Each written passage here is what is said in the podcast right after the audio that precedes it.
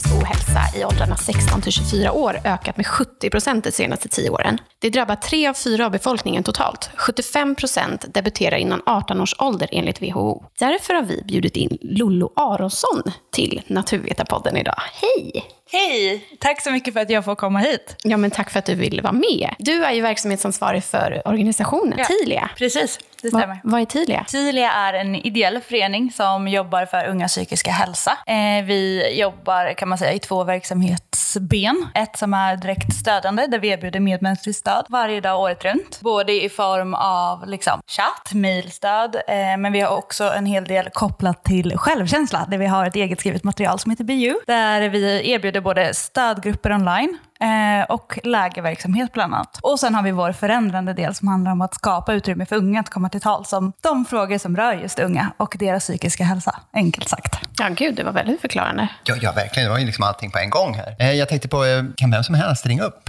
Är det så att man känner att man som, vad var det sa du? 16 till? Det är för unga, unga vuxna, så om man identifierar sig som ung och, eller ung vuxen så är det bara att höra av sig oavsett könsidentitet, oavsett var den bor i Sverige och allt stöd är kostnadsfritt. Och då kan man ringa, antingen ringer man eller också mejlar man. Vi har ingen telefonstöd idag, utan det är chatt som är öppen varje kväll året runt. Och sen kan en eh, hänga med i livesändningar på Instagram eller eh, läsa vår blogg, podd, ansöka om att åka på läger eller vara med i en stödgrupp för självkänsla helt enkelt. Så Palla är tyvärr. Eller du, du kan definiera dig som ung vuxen. Jag har ju barn i den här åldern. Ja, ja, ja, Så jag absolut. kan ju tipsa dem om inte annat. Ja, verkligen. Men om vi skulle göra det eh, lite konkret då. Skulle du kunna definiera psykisk ohälsa, Lollo? På något Det- sätt? Ja, verkligen. Det är ett ganska vitt begrepp. som Psykisk ohälsa i sig kan ju vara allt ifrån eh, psykosomatiska besvär, vilket kan vara så här huvudvärk, ont i magen och så vidare. Kanske på grund av stress till exempel. Alltså att det sätter sig rent kroppsligt fysiskt. Men det kan också vara egentligen en psykisk sjukdom som depression eller ångestsjukdomar som alltså en diagnos som du får av en läkare för att uppfylla vissa kriterier. Men sen är det ju allting egentligen däremellan. Kort och Så gott. ganska, ganska brett då låter det som. Verkligen. Det rymmer väldigt mycket olika delar. Men vi jobbar främst på Tydliga med det som en ibland kan kalla oro, ångest, stressrelaterad psykisk ohälsa. Kanske att den bär på mycket otillräcklighetskänslor, prestationsångest, kanske tankar, funderingar kring relationer och så vidare. Så det behöver inte nödvändigtvis heller vara psykisk ohälsa, utan kan ju vara, som vi ibland brukar säga, när livet bara gör ont. Liksom. Det är något som ligger nära till hands, det är ju tentaångest. Men det har ju väldigt många medlemmar som driver, eller Ja, lider av. Ja, eller prestationsångest överhuvudtaget egentligen inför en, kanske en lämning, eh, man har ett sånt jobb. Verkligen. Det är väldigt vanligt återkommande hos oss, just prestationsångest och känslan av det där att inte räcka till. Att vara rädd att den inte ska duga, att den inte ska klara av saker och kanske till och med lite framtidsoro kopplat till det här. Vad händer om jag inte klarar av det? Kommer jag få CSN? Kommer jag ha kvar min bostad? Eh, All den här pressen som ligger också runt omkring. Kommer jag få de här jobben? Och så vidare. och så vidare. Så Ja, för det är ju inte bara alltid- Nej. prestationskravet, utan studenter har ju så mycket tuffare än så. För får de inte CSN-bidraget, ja men då blir de ju av med bostaden, de blir av med sin inkomst. Liksom. Verkligen. Så det är så många parametrar som spelar in. Eh, och jag föreläser ju runt om på universitet och möter olika studenter där ute. Och det är ju väldigt, väldigt många som just beskriver det du säger. Alltså känslan av att inte räcka till, prestationskrav. Och de har ju extrem ångest. De blir utbrända innan de ens kommer ut i arbetslivet. Så därför tänker jag att vi ska dela med oss lite knep idag också. Lite goda Super. råd och tips, ja. Ja. Verktygslåda kanske. Ja. Men du har ju din egen verktygslåda, Ja, men den Nikita, kan som du brukar sprida. fyllas Men på. den kan vi fylla på, precis. Det här blir Lollos verktygslåda. Nya, nya grepp. Ja, men precis. Men Och sen så är det, det är ju också intressant att man, vi har ju inom Naturvetarna så har vi det som en fokusfråga. Just det här med eh, psykisk hälsa brukar jag föredra att kalla det. Vad säger ni? Ja, men verkligen. Alltså psykisk hälsa rymmer ju desto mer och vikten av framför allt att så här, få verktyg i att kunna ta hand om sin hälsa och stärka sin hälsa på vägen. Och en del av det är ju också att kanske kunna be om hjälp när saker och ting är tufft och svårt och utmanande i livet. Inte bara när det är psykisk ohälsa utan faktiskt i livet i stort. Vi alla behöver ju stöd ibland för vår psykiska hälsa. Så det är jätteviktigt. Och det jag tycker man ska ta bort det där, äh, vad ska man säga, normen om att man är svag om man ber om hjälp. Eller man är svag om man mår dåligt. Fast du är ju stark om du ber om hjälp eller om du vågar berätta om det som känns på insidan. Så det är bara en styrka, tycker jag vi, Verkligen. ni som lyssnar kan ta med er idag genom hela podden. Men hur kommer det sig då att du eh, brinner så mycket för att hjälpa andra? Oj, det är en stor fråga som har många svar. Eh, jag tror att jag egentligen alltid har haft en inneboende känsla och att jag har reagerat ganska mycket kring orättvisor i världen och i samhället och lagt märke till väldigt mycket i min, min omgivning samtidigt som jag själv har en en väldigt fin uppväxt där jag har liksom haft allt. Och jag tror i kontrasterna till att ha haft allt och se att andra inte har de förutsättningarna har drivit på någon typ av kraft och engagemang för att göra någon skillnad och använda det jag har fått för att bidra. Sen har jag ju också haft egen erfarenhet av psykisk ohälsa och även som student. Så att jag hamnade här på Tilia beror ju från början på att jag själv sökte stöd i Tilia. Jag behövde någon plats där jag fick jobba med min självkänsla och eh, våga tro på mig själv och inte bara liksom intellektuellt förstå att jag har ett värde som människa utan också att känna det och våga tro på den känslan. Och jag var inte liksom så tillräckligt sjuk riktigt för vård eller behandling utan behövde det här mellantinget som Tilia idag är. När den oftast inte är tillräckligt sjuk för vård och behandling men behöver något typ av stöd. Och det fann jag i Tilia och där när jag såg också vad vi gjorde för skillnad så växte någonting i mig i att bara vilja vara med och bidra i den rörelsen som vi är idag. Det här med självkänsla, du kommer in på det flera gånger här. Mm. Hur kan man liksom förbättra den? Själv har jag liksom en känsla av att den liksom bara finns där. Vad härligt för dig. ja, ja, ja, ja, ja, ja, på något sätt. På något sätt. ja, ja, ja. Vissa har Men jag förstår, jag förstår ju samtidigt att det, det är inte så för alla. Nej. Nej, verkligen inte. Och det är svårt att ibland känna, eller för många av de unga vi möter så är det genomgående att det är svårt att bygga en självkänsla när vi lever i det samhället som vi gör, som ständigt matar oss med normer, krav, ideal eh, och ett samhälle som har ett budskap i skolan, i reklam och så vidare, att vi hela tiden ska ändra på oss så att vi inte är tillräckliga så som vi är. Då är det väldigt lätt att börja tänka, jag måste ändra mig, jag måste vara på ett annat sätt och så vidare för att räcka till och duga. Så dels finns det en utmaning i det, men det finns också verktyg för att kunna hantera allt som florerar, det sus och brus som jag brukar kalla det ibland, eh, som pågår runt om oss. Men det finns massa olika sätt i att stärka sin självkänsla. Det beror ju själv på kanske vad en upplever är utmanande och vilka normer, krav och ideal som kanske påverkar en främst. Men för att överhuvudtaget kunna börja det arbetet så behöver en oftast reda på skillnaden mellan självkänsla och självförtroende. Mm.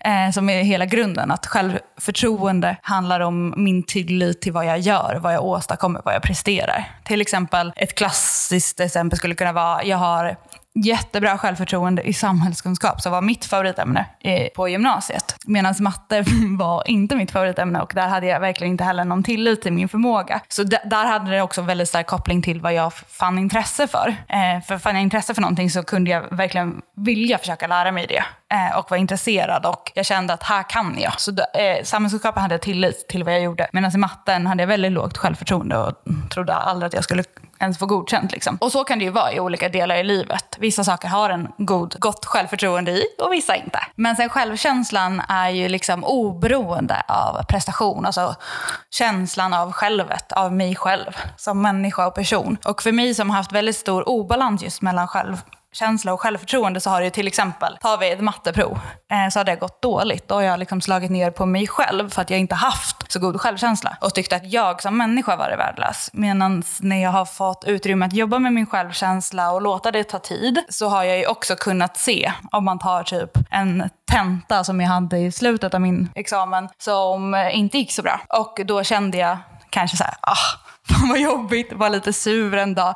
Det är helt okej liksom. Men, kan... men, men, jag tyckte inte själv att jag var värdelös som person. Det hängde inte på mitt, mitt värde och min existens. Om det går att förstå. Ja, men absolut. Och det, det är lite lurigt där. För att jag tänker det finns många som har självförtroende men dålig självkänsla. Och jag själv var ju en sån. Jag led av väldigt mycket psykisk ohälsa när jag var yngre. Och jag hade ett extremt stort självförtroende. Så att ingen trodde att jag kunde må dåligt. Och det är så här typexempel. Jag sjöng för Dalai Lama i Globen. Och stod där med allt vad självförtroendet var. För det var ju en prestation. Jag skulle ju bara upp och sjunga. Och sen när jag gick av scenen så började jag liksom slå på mig själv. För att självkänslan var så himla låg. Så det där är ju liksom en balans. Och också jag brukar säga att självkänslan är som ett vattenglas. Alltså vatten dunstar ju. Du behöver ju fylla på lite hela tiden. Det är inte som att man bara vaknar upp en dag jag är klar, självkänslan är på topp, nu stannar jag här för resten av mitt liv.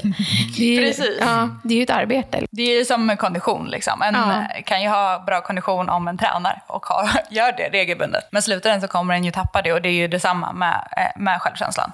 Och även om jag har en, eh, upplever att jag har en jättegod balans kopplad mellan självkänsla och självförtroende och har en stark självkänsla och tillit till mig själv. Men det kan ju fortfarande vara perioder där jag har så här självtvivel. Att jag tvivlar på mig själv som människa och min förmåga till olika saker. Och, alltså, allt det där liksom, pågår ju ändå för att jag är människa. Liksom. Jag just precis, jag just, jag tänkte just säga det, att jag menar, det är en sån grej som alla har, att det liksom går hos alla, tror jag. Sen är, det Verkligen. frågan om, sen är det förstås en, mer eller mindre. Ja. Och att kunna hantera det. Ja, det får ju liksom inte bli skadligt. Nej, Precis. att du tar till andra typer av medel för att ja, men lite passa in i en norm eller ett ideal. Att du börjar liksom mecka med dig själv för att passa in i någon form av box. Men om jag tänker så här, det skulle vara, kan inte du ge oss en liten inblick i ungas vardag utifrån oro, stress och ångest? Det är ju väldigt svårt att generalisera och fortfarande inkludera alla. Och bakom varje person som upplever någonting så finns det ju en mängd olika historier och erfarenheter kopplat till det. Men om jag ska dra några generella delar så rör det ganska mycket låg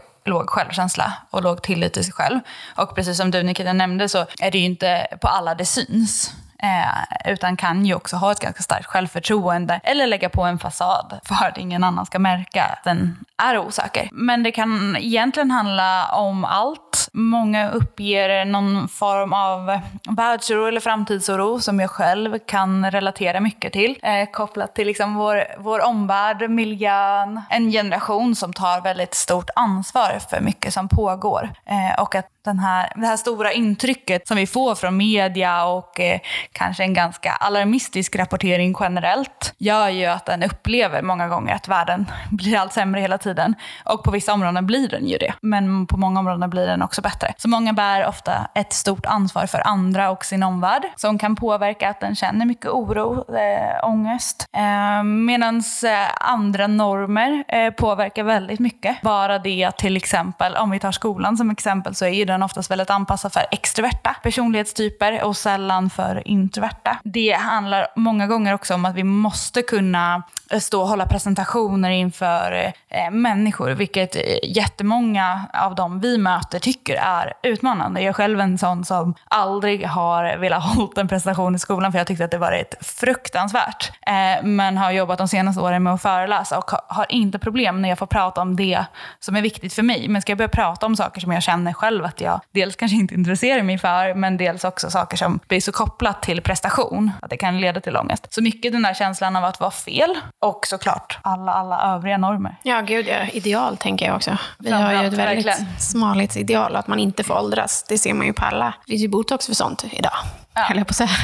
Hemskt nog. Var det var det tips till mig Nej, eller? gud nej. Det var inget tips till någon. Jag menar bara att vi har ett ideal i i Sverige Ja, där det är att du sant, ska vara sant. smal, Ja, precis, du ska inte man ska åldras. liksom vara ständ- ständigt ung på något sätt. Ja, precis.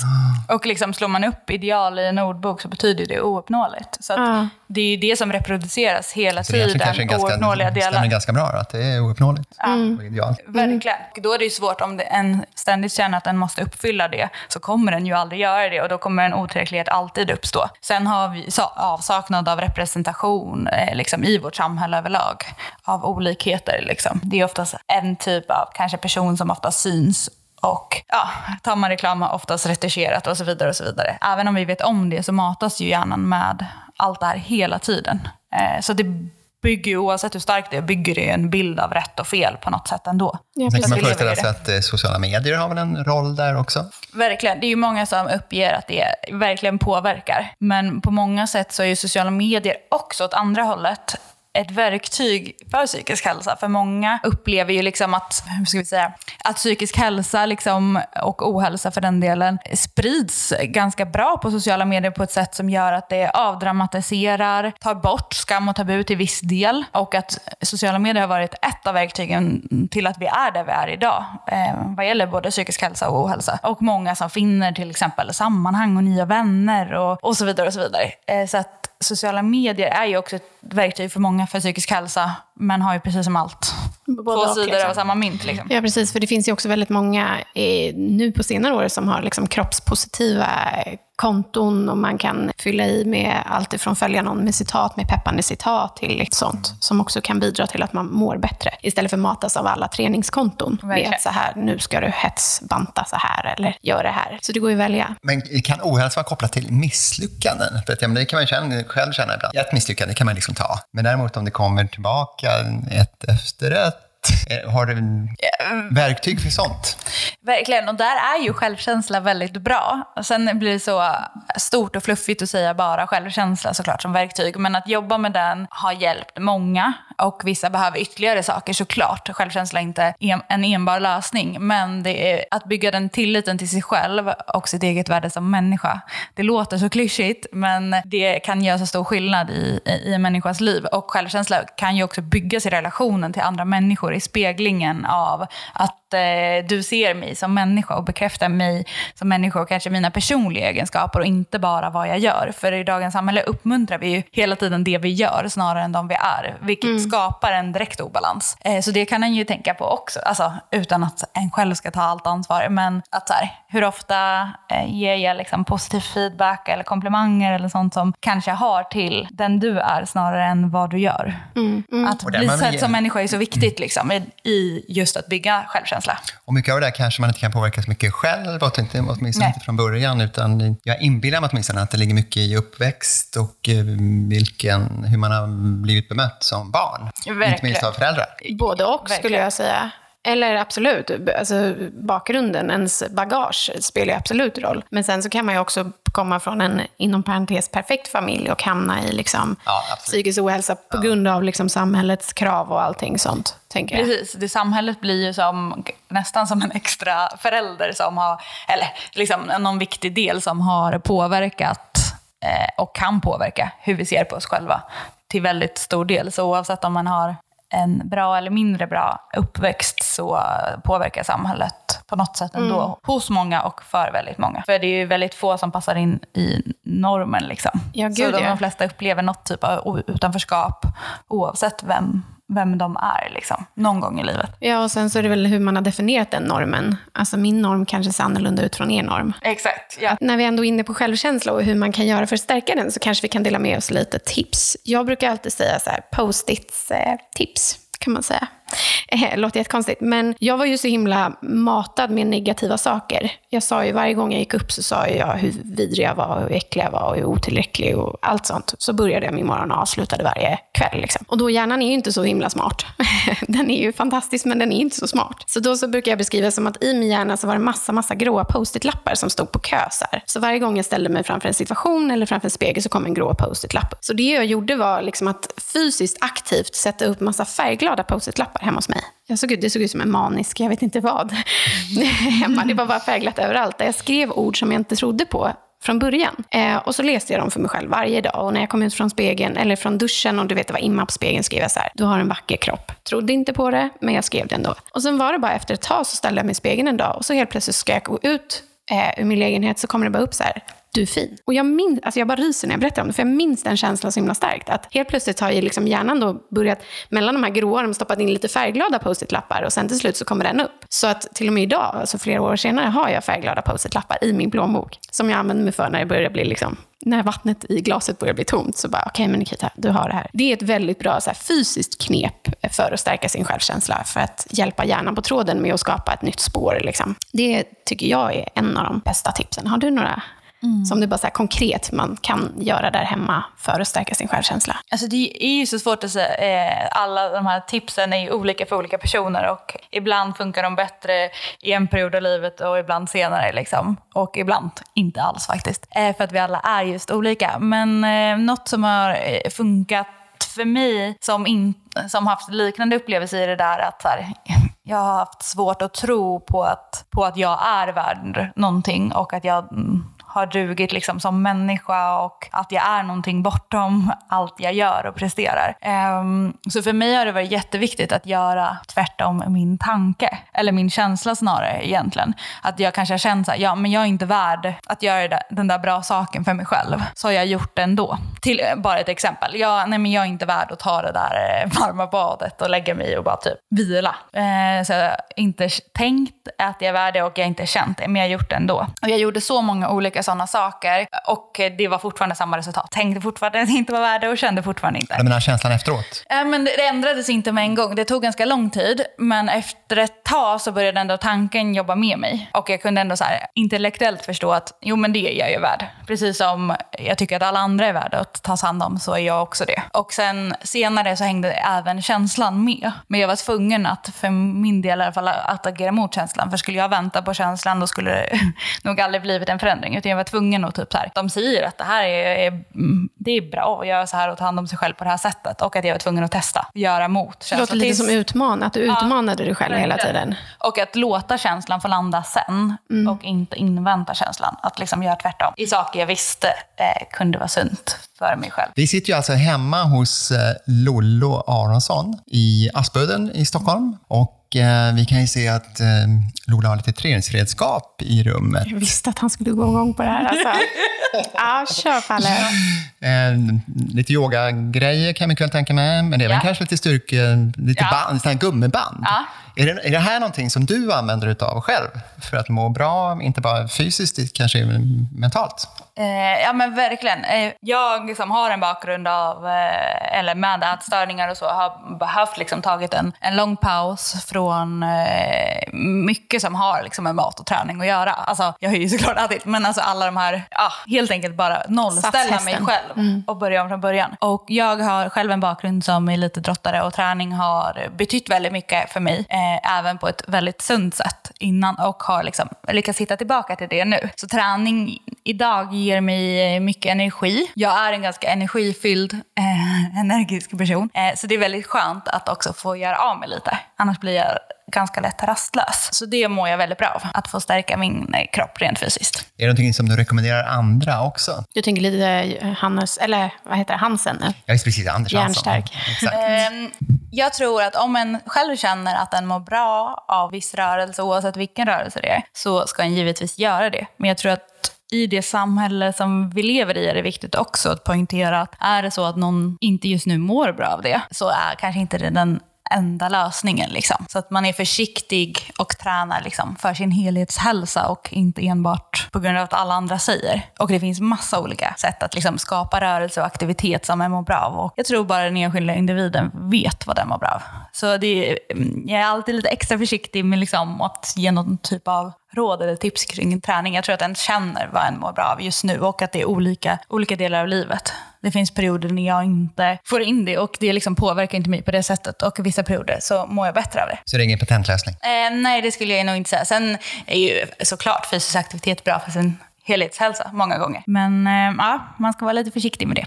Ja, för jag tror också att om man är sån som mig, som liksom aldrig har tränat, höll jag på att säga. Eh, nej, men om jag tänker att jag ska få in träningen i mitt liv, så tänker jag att jag måste liksom skaffa det här dyra satskortet. Jag måste köra de här passen med en gång. Jag måste bli den här... Mm, ja, jag vet inte vad mm, är, men så. Men det finns ju så himla... Rörelsen kan man ju få på olika sätt. Liksom. Att det, man kan börja i små steg också, som får en att må bra. Ta en promenad där du liksom rensar tankarna, eller cykla, eller gå promenad med dina precis, det behöver vänner. liksom inte vara elitträning på något sätt. Nej, precis. Alla behöver inte vara som dig, Palle. Sånt. Nej, precis. Men jag kan ju själv, själv känna att jag, jag mår ju mycket bättre utav Ja. att har tränat. Så är det. Och de här bakelserna, de, de blir godare då. Så är det ju också. Du och dina bakelser. Nej, men Palle är ju en sån som cyklar överallt och springer i litet lopp. Och, eh, han är ju helt galen. Han tjatar på mig hela tiden att jag ska börja träna. Vi kommer dit, vi kommer dit. Snart är du där, Nikita. Snart är jag där. Men jag, jag ska inte tvinga dig på något sätt, utan du måste komma, måste komma inifrån. Ja, men jag har mina 15 000 steg per dag. Jag är nöjd med dem just nu. Men om jag tänker så här, om vi kan gå in lite djupgående på att fokusera på några olika typer av eh, ohälsa. Så. Eh, vi pratade lite om prestationskrav och känslan av att inte räcka till. Har du några tips på om man känner att man har en extrem ångest kring just krav och eh, prestation och sånt? Vad man kan göra då för att bryta det typet av mönstret? För det vet jag att många av våra medlemmar har. Jag tänker liksom i återkopplingen från många av våra unga. Som sagt, allting är ju alltid individuellt. Jag säger det och kommer säga det hundra gånger. Bara för att påminna om det. Eh, Men för många kan det ju faktiskt hjälpa att eh, lyssna till eller läsa till vad andra har upplevt i liknande situationer. Att så här, många upplever sig ganska ensamma i de här känslorna som väldigt många har och det är inte så att det tröstar men det kan ta från ett visst typ av ansvar eller en viss typ av ensamhet som man kan bära kopplat till de här känslorna. Så det är en del. Sen om man är bekväm så kan det ju ibland hjälpa att sätta ord på det som pågår. Att liksom få det ur huvudet och inte vara ensam i det. Och för vissa vet jag att det är jättehärligt, att, eller härligt ska jag kanske inte säga, men skönt och befriande att bara få skriva av sig. För andra att prata med någon som man är trygg med, få bekräftelse, kanske bli hörd och sedd i det som pågår. Det kan lätta väldigt mycket. Sen är inte det en kanske enbar lösning, men det kan vara en början om man inte har testat det förut. Om man tycker att det är lite skämmigt då? För det kan jag mycket väl tänka mig att det kan vara. Ska man liksom pracka på någon det här? Ja, man kan ju ha vänner och prata med mm. förstås. Mm. Men även där kanske det kan, kan vara lite småjobb. Alltså verkligen, det finns många trösklar till att eh, ibland be om hjälp. Och just därför tänker jag att det kan vara en bra början att här, läsa eller lyssna till någon annans erfarenheter och tankar. Eh, där en inte behöver liksom i för, en första anblick i alla fall vara sårbar mot andra eh, och öppna upp sig. Och är det så att en vill så är ju till exempel Tilia chatt i skrift och helt anonym. Så det kan ju också vara ett sätt att testa att öppna det som pågår hos en själv. Mm. Liksom. Ja, en tror... början, liksom, att ta små steg. Det behöver inte vara nu ska jag liksom, mm, söka professionell hjälp och gå till en psykolog med en gång. Utan vissa så små saker för en själv kan i det långa loppet ge ge någon typ av minskad känsla av ensamhet i alla fall. Ja, för jag tror lite som vi var inne på innan, att så här, självkänslan, ja, den ger ringar på vattnet. Det kommer göra sådana här typer av situationer lättare att hantera då. Men, men det är väldigt bra tips. Men jag tänker också, vi lever ju otroligt, just eftersom vi är mer prestationsjaget där ute. Vi ska prestera. Det är inte så mycket om vem du är som person, Palle, utan det är vad du presterar. Ja, då har jag missuppfattat det här helt. ja, men så har vi också en väldigt stor jämförelsekultur. Och det är ju också i allt ifrån sociala medier till ideal till norr. Alltså så. Men också har jag ju märkt när jag är ute på universitet att, ja men, och jag kommer ihåg att jag själv höll på så. Man kommer ut från tentan, inte så här firade att så här, fuck nu har vi gjort en tenta, high five. Utan det är mer så här, hur kändes den? Jo men det gick bra, vad fick du? Och, du vet, så, och sen när proven kommer tillbaka, vad fick du? Vad fick du? Så bara, men herregud, vad spelar det för roll? Ja, varför gör man det? För att, jag menar, vad jag presterar, ett sätter ju inte om vem jag är som person och en etikett på mig. Men vad du presterar hjälper ju inte mig ett skit. Alltså ursäkta. Alltså det gör ju inte det det. Men ändå så är vi så himla inmatade med att vi ska gå och jämföra oss. Och jag brukar ju säga det att när du väl får ett jobb så det, finns det ju ingen under en anställningsintervju som bara, du, eh, år två, tenta fem, månad maj, vad fick du då? Alltså det finns ju ingen, det handlar ju bara om att klara det. Mm. Men hur ska man göra med det där? Alltså det är ju svårt. Det är ju säkert en jättesvår fråga. Men den här jämförelsekulturen, vad tusan gör vi? Verkligen. Alltså, för ibland kan det ju vara bra att bara sätta ner så för sig själv. Vad är viktigt för mig för att jag ska må bra? Jag tror att ganska många, om en tar tiden, kan komma på det, vad som är viktigt för mig. Vad är mina värderingar? Vissa kanske tycker det är svinspännande att jämföra sig och typ ha lite så tävling mm. mellan varandra. Om det är sunt, varsågoda, liksom, kör. Eh, men jag tänker för många kan det också vara tvärtom. Eh, och att kanske så här, våga sätta ner, är viktigt för mig? Och hur ska jag hantera det? Till exempel kanske bestämma sig för att tillsammans med någon, kanske till och med, att vi slutar, vi slutar jämföra, vi slutar berätta vilka poäng eller resultat vi har fått, utan vi fokuserar på något annat. Liksom. Och det kan ju vara ett sätt med självkänsla överlag, att så här, gå tillbaka till sina personliga värderingar och lämna allt yttre en stund och bara så här, vad är viktigt för mig? Eh, till exempel, för mig är snäll en otroligt viktig värdering eh, som jag verkligen vill leva efter. Och då helt plötsligt så tappar allt annat liksom betydelse i de här yttre aspekterna. Sen kan det vara också svårt att känna, så här, jag har många gånger känt att ja men gud, allt jag är är snäll och det är dåligt. typ. Eller dåligt, men, Nej, jag, men alltså, liksom jag, att det, jag hade ju velat liksom vara bra på någonting. typ.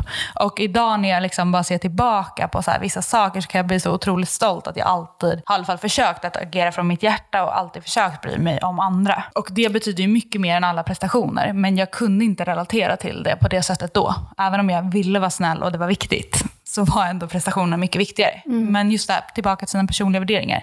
Vad vill jag leva efter och vad är viktigt för mig egentligen? Eh, det kan ju vara en liten ledstjärna i att börja göra små, små, små, små förändringar liksom, som kanske är bättre för en själv. Men det är intressant det där du säger att jag var, jag var bara snäll. För att jag har hela mitt liv fått höra att jag är dumsnäll. Hatar när folk säger dumsnäll. Alltså typ för snäll Ja, eller? alltså för snäll. Det trodde inte jag. Du tycker jag är dum. ja, du, är, du är precis, nej då. Snäll är du. Eller du är vänlig, ska jag säga. Oj, Ja, jag, skulle aldrig, jag skulle aldrig sätta stämpeln dumsnäll på dig. Nej, Nej men jag, jag tror att, att jag är annorlunda. Mot mig? Nej. alltså det finns ju en, en professionell Nikita, sen finns det en Nikita Nikita. Men då har jag ju alltid fått höra då att jag är för, alltså du är dumsnäll. Och jag har alltid blivit så provocerad. Och nu på senare år har jag blivit så här, nej, alltså snäll är snäll. Det finns inget dum, det finns inget snäll snäll. Liksom. Snäll är snäll. Och, och då är det mer de som säger så och utnyttjar snälla personer som är dumma. Förstår ni lite jag menar? Jag Man kan det, inte vara för snäll. Man kan inte vara för snäll. Men kan du känna dig utnyttjad ibland då? Ja, men gud ja. Men det handlar ju mer om personen som gör det, än att jag är för snäll. Fattar ni lite vad jag menar? Ja, verkligen. Ja. Sen kan man ju vara kanske att en själv, och det kanske inte har egentligen någonting med snällhet att göra, men att så som jag har gjort när jag tvättar mig själv, att jag har kompromissat hela tiden med mig själv för att göra andra till lags. Liksom. Och då, mm, om det nu kan, Ja, men då kallas inte snäll mot dig själv. Då är man ju, precis, då är man ju också elak mot sig själv. Precis. Men jag tror aldrig man kan vara riktigt för snäll. Och det blir lite så här i dagens eh, ganska så här prestationssamhälle, Jaget för väldigt laget. individualistiskt samhälle, eh, så är det lätt att så här, det är det som spelar roll för att jag ska bara överleva själv. Liksom. Medan jag tycker inte det är kul om, så här, om jag klarar någonting och en annan inte klarar det. Då vill jag att vi ska klara det ihop. Det är liksom min Mm. grundvärdering. Och då spelar inte mina resultat någonting alls. Och är det tillfällen jag inte klarar saker så finns det ju inget jag är mer tacksam för än när någon annan bara, du vi gör det ihop. Mm. Det är typ det finaste någonsin. Liksom. Att stå ensam och inte klara någonting suger, men det är inte roligt heller. Och Nej, stå själv och ha klarat det och sen se andra ledsna. Nej, precis. Nej, det är inte kul.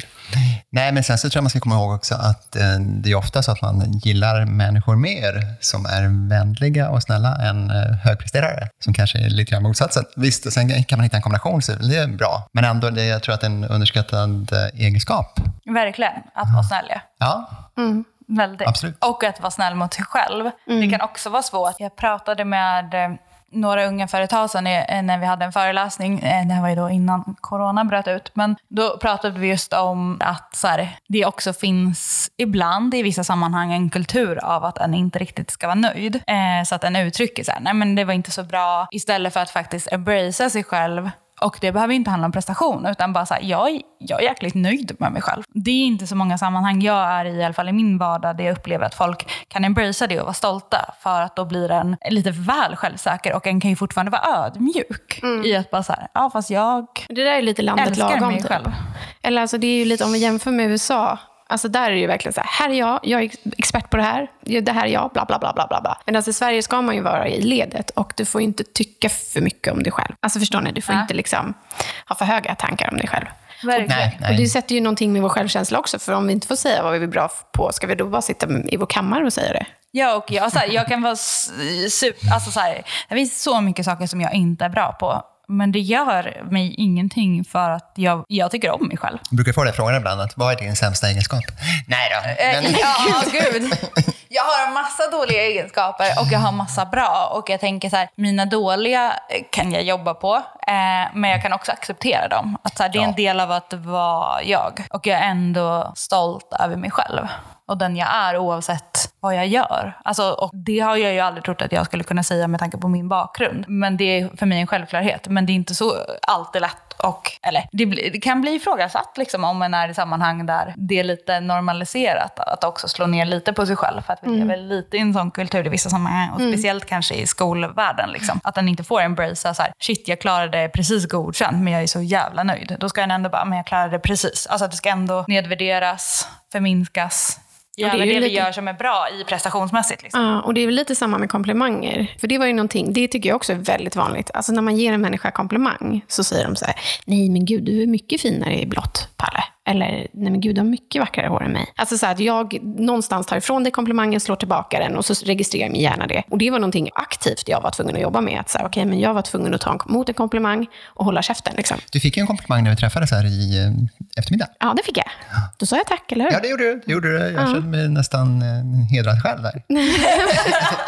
Ja, men du ser, om jag skulle säga, nej men gud, jag ser ut som en eh, ragata, då tar jag ifrån dig den komplimangen. Mm. Ja, och det är ja. Mm. nedvärderande mot dig, samtidigt som det är nedvärderande mot mig mig. Men det jag behövde göra då var ju att så här, göra kroppen och hjärnan i ett. Så att jag tog liksom min högra hand när jag fick en komplimang och så la jag den på mitt bröst och så sa jag tack. Även fast hjärnan spinner på och bara, nej men gud, de har ingen aning, alltså, de ska se mig utan kläder. Alltså, shit, jag ser ut som sju svår och bla, bla, bla, bla, bla. Sen till slut när jag började göra det tydligare, så till slut så började hjärnan lära sig, okej, okay, men nu är handen på bröstet, då är vi tysta. Alltså, så här, jag behövde göra det liksom fysiskt för att göra. Och det är så lätt, jag tänker så här, om man tar ett typexempel, nu har inte det med självkänslan riktigt att göra på det sättet, men bara så här, åh vilken eh, fin klänning du har. Ah, när jag köpte den på rea. Direkt är det liksom ja, ett förminskande och så gör vi ju väldigt ja, mycket. Eller när man blir bjuden på någon god mat. Ah. Så där. Nej, men det var så lätt att ordna. Ah exakt. Eller typ när jag... För att tvärtom, ja det var ju väldigt komplicerat. och typ ta emot så här, alltså, tjänster har jag haft jättesvårt. Typ om en så här, eh, kompis vill du vet, så här, typ, laga mat och fixa och dona, då ska man så här, nu ska jag bjuda tillbaka och hej och hå, liksom, istället för att bara så här, gud vad fint, tack, tusen tack. Alltså jag blir så glad. Och våga ta emot det helhjärtat också, kan ju också vara jätteutmanande. Mm i just allt det här som vi lever i. Mm. I att våga ta plats på det Sammanfattningsvis sättet. låter det lite grann, nu är jag amatör med sammanhangen jämfört med er, men det låter lite grann som att äh, älska sig själv, nummer ett. Ja men eh, verkligen. Sen är ju den, den äh, biten kan ju vara jättesvår. Speciellt mm. i det samhälle som vi lever i och alla olika strukturer som pågår runt om oss hela tiden. Också att det är, så här, det är okej om man inte gör det. Ja, acceptera det själv tror jag mer. Alltså, typ. om man inte tycker om sig själv just nu så är det också okej. Okay. En kan absolut sträva, men jag tror att det också kan bli ett krav på att en alltid ska må bra eller att jag ska älska mig själv på det här sättet och jag ska alltid gå runt och göra det och jag ska aldrig känna självtvivel och så vidare. Nu kanske det låter naivt, men det finns ganska många som kan relatera till den känslan att även om man fattar logiskt att så här, det är klart att jag någon gång ibland kommer tvivla på mig själv, så kan det också bli ett krav. Mm. Att så här, nu måste jag älska mig själv och jag måste tycka om hela min kropp och jag måste göra det här och jag ska bara vara helt full av självförtroende och självkärlek. Och, alltså, det kan ju mm. också bli typ en norm och ett krav och ett ideal att sträva mot som kanske sätter käppar i hjulet. Men där kommer väl lite Be You in. Alltså det tycker ja. jag är ett bra titel på det. Be You. Det är en bok och en... Eh, ja, det är det metodmaterialet vi har ja. i självkänsla. Mm. Som just handlar om att vara sig själv. Vilket liksom inte är ett bara i den här världen som hela tiden ber oss vara någonting annat. Eh, där vi inte ska ändra oss utan snarare hitta liksom inre verktyg och stärka vår inre hälsa. Och eh, lång sikt framför allt, i att kunna vara sig själv.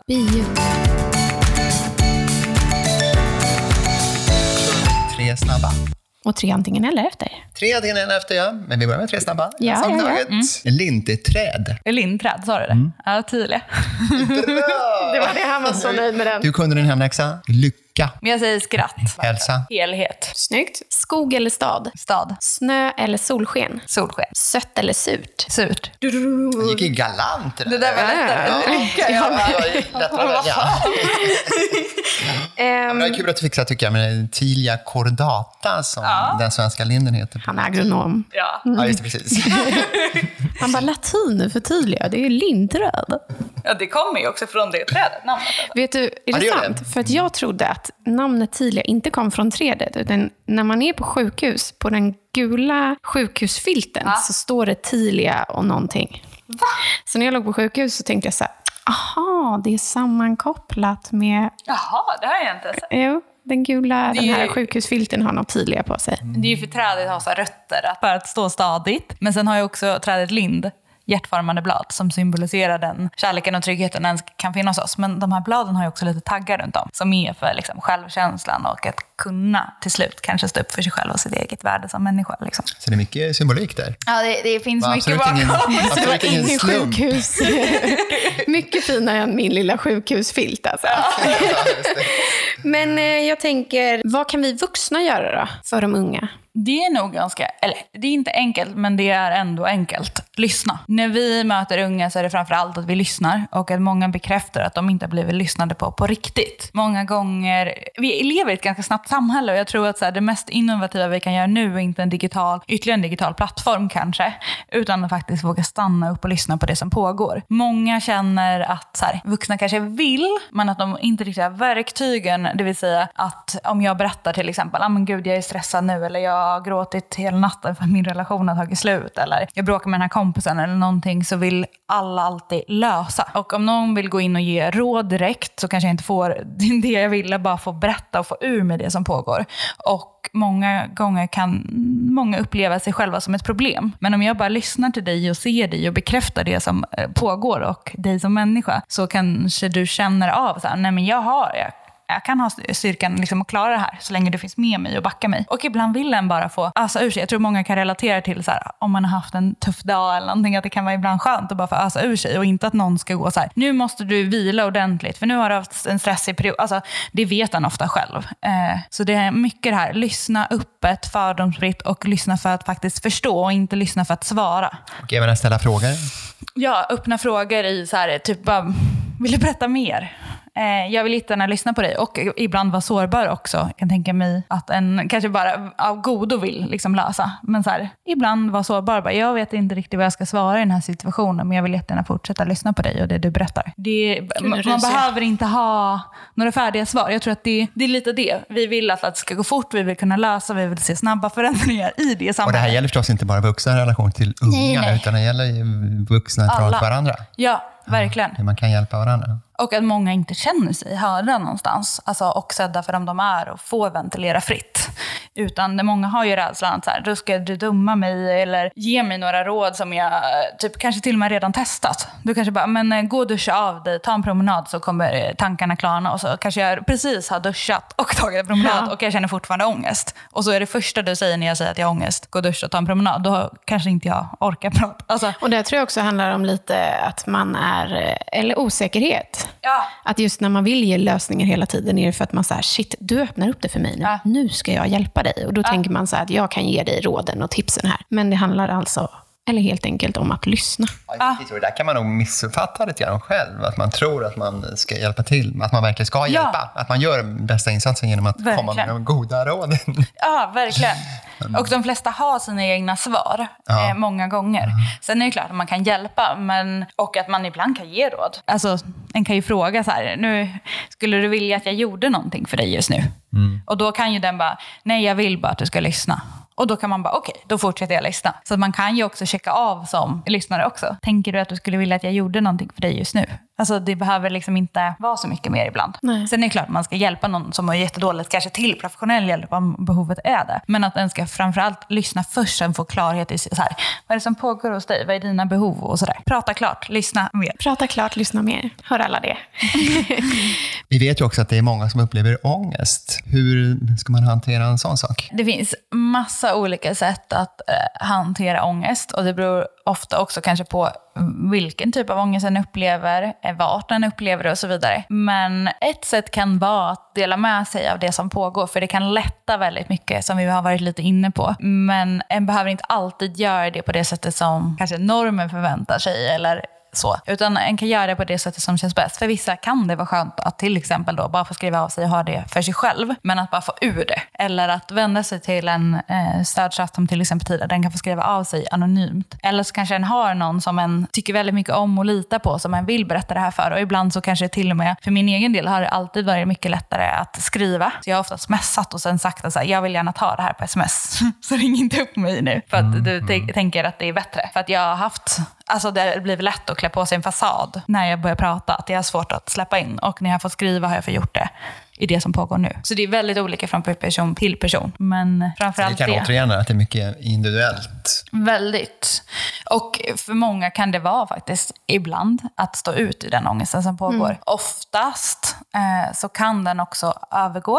Eh, en ångest pågår sällan hela tiden. Däremot vet jag att en ångest kan också kännas som att en, en oro liksom i kroppen hela tiden och att den behöver prata av sig just där och då. Och då kan den alltid göra det. Men eh, många gånger så kan den behöva stå ut i sin ångest. Man brukar ibland prata om den kränkta generationen. är det någonting som... Eh, jag menar, så att det är liksom minsta motgång, eller att det är någon som förolämpar, eller det behöver inte ens vara en förolämpning, utan det kan vara ett, ett litet motstånd helt enkelt. Alltså det är som sån... gör att det blir jätte, jättejobbigt och jättestort och man mår dåligt. Och... Det är en jättespännande fråga, för vi får den ganska ofta till oss på Tide. Där dagens unga många gånger målas ut till en så här curlad generation som just som du säger, så inte klarar motgångar. De åker till eh, akutpsyk så fort stort, en, med brustet hjärta och så vidare. och så vidare. Det finns väldigt mycket så stereotyper som målas ut och den delen som media många gånger målar upp kan skada ganska mycket unga. Att känna så här, det är mitt fel, det är jag som inte klarar av att må bra. Och jag tänker att det framför allt kanske snarare handlar om en frånvaro av en vuxenvärld. Om man åker in till akutpsyk på grund av ett brustet hjärta så kanske det är toppen av ett liksom, isberg. Så att det kanske ligger mycket bakom. Eh, och att den söker hjälp är ju jätte, jättebra. Sen kanske den behöver snarare en trygg person som kan lyssna på det som pågår just nu. Så jag tror många gånger utan att ha ett faktiskt svar, för det är olika för alla, så tror jag att det snarare är en effekt av att unga upplever att vuxna inte är där. Eh, om ni har sett den här eh, norska serien Skam som var populär Jajamän. för några år sedan, så är den ett typexempel. Hur många vuxna se syns i den filmen. De flesta vuxna är till och med filmade så att ansiktet, alltså maghöjd och neråt liksom. Eh, och det speglar en ganska stark känsla av att så här, unga hanterar ganska mycket själva idag. Så där, inte att liksom lägga någon typ av skuld och skam på vuxenvärlden heller och att generalisera vuxenvärlden på något sätt. Men jag tror att så här, vi behöver våga stanna upp och precis som att man ibland behöver stanna kvar i de känslorna som även är obehagliga och kanske inte jättesköna att uppleva, så kan man också som vuxen behöva stanna kvar i situationer och lyssna även om man inte har svar. Även i samtal som känns och upplevs svinsvåra. Många av de unga vi möter upplever så här, ibland när jag har delat med mig av så att jag är stressad och har mycket prestationsångest, så har jag fått svar, eh, du borde gå till en psykolog.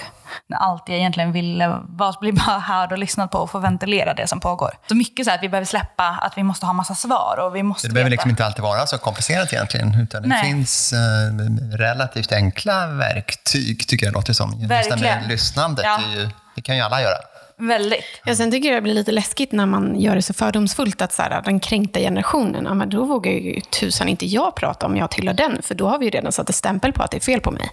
Alltså förstår ni, om vi kallar alla en kränkt generation, jaha, okej. Okay. Ja, men då det är, är det ju lite bara som typ så här, när ibland så här, man ska inte, nätet är farligt och, och, internet och allt det här är så farligt och man, det kan hända så mycket utsatthet och vi har sagt åt dig att du inte får och hej och Och sen händer en situation, då blir det väldigt svårt att utifrån den bakgrunden gå och berätta så här, nu har jag blivit utsatt för det här på nätet till exempel. Det är lite så här, samma sak som du är inne på, att säger vi att unga har, sitter bara vid sociala medier, vilket ibland debatten kan gå, så blir det ju svårt att uttrycka något känns svårt. För då är det så här, ja, det är ju för att jag sitter vid sociala medier som jag inte sover, som jag har sömnproblem. Så det måste jag gå och hantera själv. Så skulle jag gå till dig så tror jag att du kommer döma mig, som du säger. Ja, sen det tror jag också det. det. Ja, men precis. Sen tror jag också det handlar om generationsskifte. För jag tänker så här, din generation kanske, Palle, att så här, ja, men då var det lite... nej, men alltså...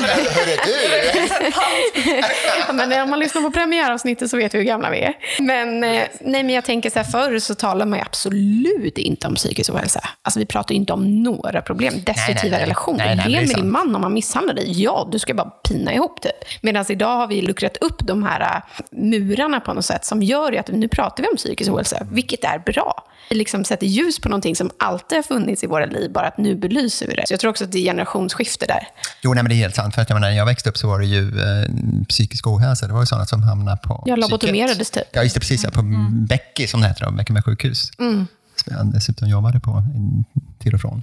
Ja. Verkligen, och så bara vänder man åt andra hållet på det här perspektivet så är ju den här generationen unga så jävla coola som så här, snackar öppet om hur vi mår i större utsträckning. Det är klart att man kan säkert prata ännu mer. Men framför allt att så här, bryter skam, tabu, förändrar synen på psykisk hälsa och ohälsa genom eh, bland annat digitala plattformar. Eh, det är ju liksom hur coolt som helst istället för att bara svartmåla att den generation som inte klarar av att känna vissa känslor. Eh, och framför allt tror jag att ju mer vi pratar om psykisk hälsa och ohälsa och blir medvetna så behöver vi också få verktyg att hantera det. Till exempel självkänsla kan ju låta jätteflummigt och för vissa kan det vara så här, jag har typ aldrig ens hört det. Vilket kan vara en stor grund till psykisk hälsa och har en inte ens fått höra begreppet eller förstå innebörden eller vet vilka verktyg som man kan använda, hur ska en då kunna liksom må bra och stärka sin hälsa också? Och förebygga ohälsa. Vi kan konstatera att uh, unga pratar mer och mer om uh, hälsa och även ohälsa. Då. Mm. Men sen så de här siffrorna som Nikita inledde med mm. är ju ganska alarmerande.